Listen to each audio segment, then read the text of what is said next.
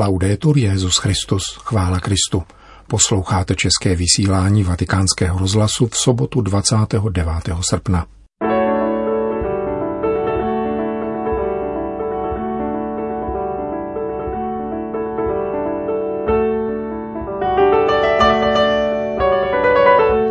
Přednost nemá ekonomie, nýbrž člověk, říká státní sekretář svatého stolce kardinál Pietro Parolin v exkluzivním rozhovoru pro jeden italský internetový portál.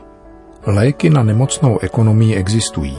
Na prvním místě je nutné změnit způsob fungování finančních trhů, zdůrazňuje předseda Papežské akademie sociálních věd profesor Stefano Zamáni. Italská a zahraniční média hovoří o blížící se publikaci nové papežské encykliky. Poradem provází Milan Glázer.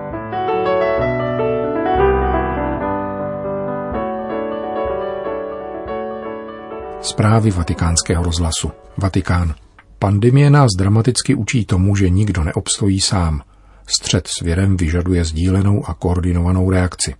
Totéž platí pro vyhojení zla, které působí lhostejnost, osamocenost a nepřátelství. Říká vatikánský státní sekretář Pietro Parolin v rozhovoru, který poskytl někdejšímu zastupujícímu šéf-redaktorovi listu Osservatore Romano, italskému novináři Carlovi Di. Prioritou není hospodářství jako takové, nýbrž člověk. COVID-19 nezapříčinil pouze krizi ve zdravotnictví, nýbrž poznamenal mnohá hlediska lidského života. Od rodiny přes politiku, práci, podnikání, obchod až po turistiku. Výbojná rozpínavost a vnitřní provázanost pandemie nám připomíná postřeh papeže Františka, že všechno je propojeno. Podle státního sekretáře skutečnost, že všechny vlády v boji s koronavirem přijali drastická opatření na omezení hospodářské činnosti, naznačuje, že přednost nedostala ekonomie, nýbrž člověk. Projevila se zde starost o zdraví občanů. Nicméně, pokračuje kardinál Parolín, sociální nauka církve, která je ukotvena v křesťanské antropologii, zdůrazňuje, že se nelze omezit pouze na péči o tělesné zdraví, je nutné mít na zřeteli člověka v jeho celistvosti, který se má stát primárním cílem politického a hospodářského úsilí, za uplatnění etiky sdílené odpovědnosti za společný domov. V důsledku toho církev naléhá na ekonomii, aby opětovně odkryla své poslání ve službě člověku a zaručila každému nezbytné podmínky k všestranému lidskému rozvoji a důstojnému životu, vysvětluje vatikánský státní sekretář. Jak upozornil papež František o letošních velikonocích, ve středu mají nyní stát lidé, společenství a národy, sjednocené ve sdílení a péči. Kardinál Parolín varuje před riziky, která sebou nese zápas s pandemí. K nímž řadí ku příkladu zjednodušující antropologický přístup, zaměřený výlučně na tělesné zdraví a zanedbávající duchovní rozměr. Zdravotnické otázky byly nahlíženy výhradně odbornou optikou, což znamenalo popření určitých základních potřeb a ku příkladu znemožnilo přítomnost rodinných příslušníků u nemocných a umírajících i jejich duchovní doprovázení, vypočítává italský kardinál a požaduje hlubší reflexi nad těmito otázkami. Pandemie odhalila naši vzájemnou propojenost, ale též sdílenou křehkost, domnívá se dále sekretář svatého stolce. Když převládla logika jaderného zastrašování, Jan 23. v pácem Interis poukázal na vzájemnou závislost politických společenství, která nejsou schopna sledovat své zájmy v uzavřenosti do sebe sama. Papež František v encyklice Laudato si prohlašuje, že vzájemná závislost nás zavazuje k tomu, abychom uvažovali o jediném světě, o společném projektu. A Jan Pavel II. v encyklice Solicitudo Rei Socialis vybízí k etice založené na solidaritě jako reakci na dnešní technologickou, sociální a politickou provázanost. Navzdory tomu, uvažuje dále kardinál Parolín, na místo spolupráce k užitku společného dobra se kolem nás vyvyšují zdi a velebí hranice jako záruka údajné bezpečnosti. Praktikuje se systematické porušování práva a udržuje se stav trvalého globálního konfliktu. Jak poznamenal papež František v Nagasaki, Výdaje na zbrojení se v roce 2019 ocitly na absolutním maximu a po přechodném snížení zapříčiněném pandemií hrozí, že opět porostou. Tento čas, apeluje italský kardinál, Syn opak žádá, abychom zasévali přátelství a vzájemnou náklonost. Ve shodě s papežovou výzvou při setkání se zástupci neformální ekonomiky v roce 2015, kde prohlásil, globalizace naděje musí nahradit globalizaci vyřazování a lhostejnosti. Jako opěrný rámec nového ekonomického uspořádání doporučuje kardinál Parolín dvě nejnovější sociální encykliky Laudato Si papeže Františka, která rozvíjí encykliku Benedikta XVI. Caritas in Veritate. Benedikt mluví o ekonomice, v níž má dostat prostor logika daru, princip bezplatnosti, který se projevuje nejenom solidaritou, ale ještě hlouběji mezi lidským bratrstvím – František se věnuje tématu všestraného lidského rozvoje v kontextu integrální ekologie, která zahrnuje přírodní, ekonomické, sociální, kulturní a duchovní aspekty. Sociální nauka církve se neustále aktualizuje, aby reagovala na otázky lidstva koherentní společnou vizí. Pandemie dnes hrozivě otřásla ekonomickým i sociálním systémem a jeho domělými jistotami, uzavírá státní sekretář svatého stolce – a církev se cítí povolána jako průvodkyně na složité pouti, která očekává celé lidstvo. Tohoto úkolu se musí zhostit s pokorou, moudrostí, ale též s odvážnou kreativitou, aby se krize vyvolaná pandemí nezměnila v děsivou tragédii, nýbrž podnítila humání a ekologickou konverzi, kterou lidstvo potřebuje, říká kardinál Pietro Parolin. Vatikán. Léky na nemocnou ekonomii existují. Na prvním místě je nutné změnit způsob fungování finančních trhů, zdůrazňuje předseda Papežské akademie sociálních věd profesor Stefano Zamáni. Papež není proti blahobytu a rozvoji, ale přeje si, aby z něj těžili všichni lidé a nikoli jen hrstka vyvolených, ponechávající většinu lidí na smetišti světa. V souvislosti s cyklem františkových katechezí na téma Uzdravit svět na to upozorňuje italský ekonom stojící od loňského roku v čele Papežské akademie sociálních věd.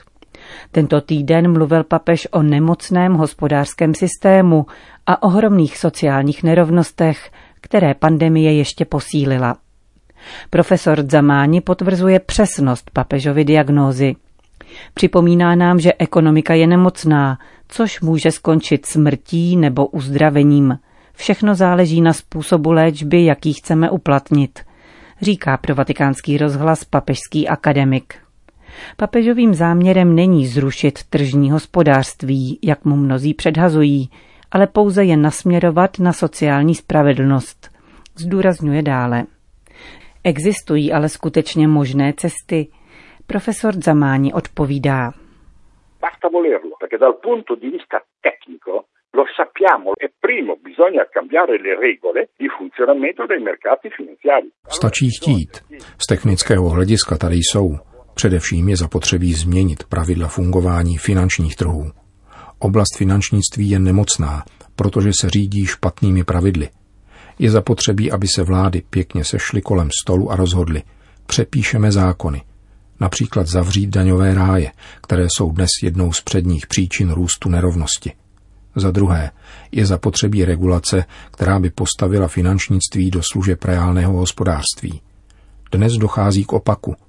Po staletí napomáhali finance podnikům, rodinám, všem těm, kdo je užívali jako nástroje. Také v této věci je třeba napsat černé na bílém.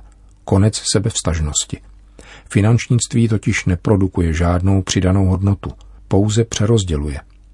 Do jisté míry to lze tolerovat, avšak dnes se tato věc stala nad slunce jasnější, jak ukázaly krize v letech 2007 až 2008 i nedávná, která následovala. A za třetí, stačí říci, že cílem podnikání není pouhá maximalizace zisku.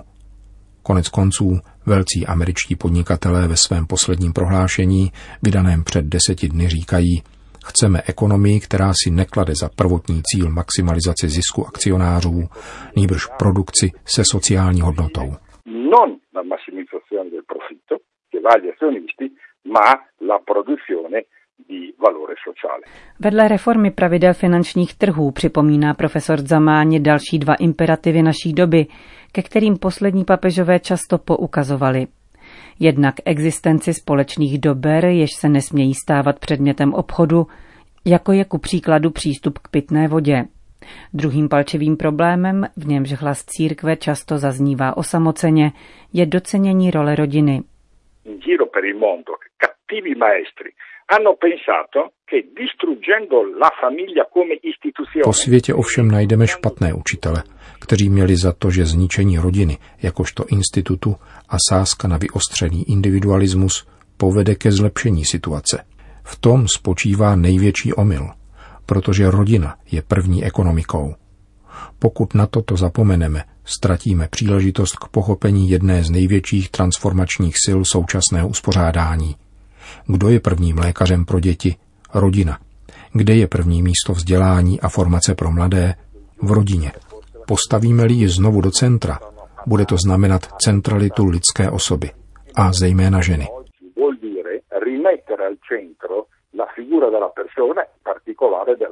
Dodává profesor Stefano Zamáni, předseda Papežské akademie sociálních věd. Itálie. Různá média přinesla v těchto dnech zprávu o blížící se publikaci nového dokumentu papežského magistéria a poukazují přitom na indiskrétní poznámku jednoho italského biskupa během tiskové konference, konané za zcela jiným účelem tuto středu. Jeden františkánský web a kanál YouTube, který podává záznam z této tiskovky, uvádí, že půjde o sociální encykliku na téma lidského bratrství a smíru a bude prý publikována v září či říjnu tohoto roku. Tvrdí také, že 15. září pronese papež František videoposelství k účastníkům generálního zhromáždění OSN v New Yorku.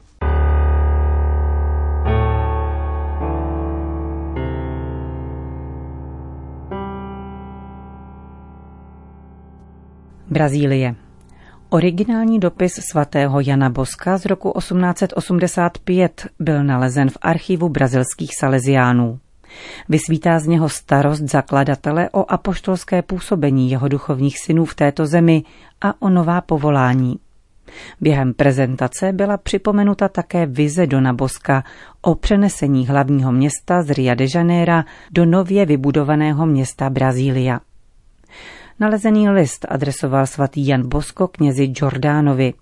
Zakladatel Salesiánů píše, že během příštích duchovních cvičení promluví ke svým duchovním synům o velkém evangelizačním poli a malém počtu těch, kdo boží slovo rozsévají na brazilském území.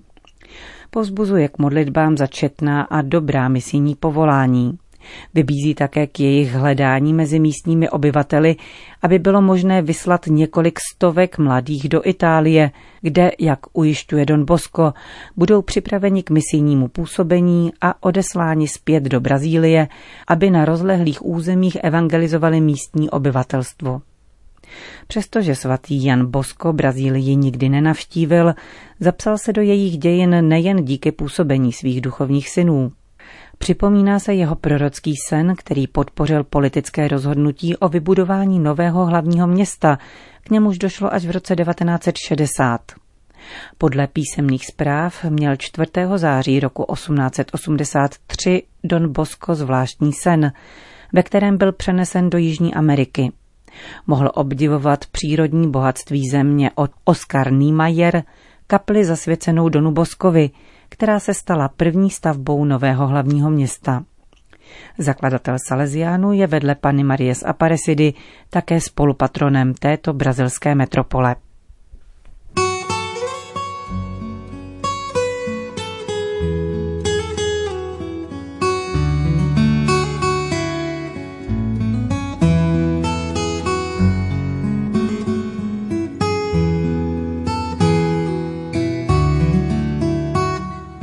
Končíme české vysílání vatikánského rozhlasu. Chvála Kristu.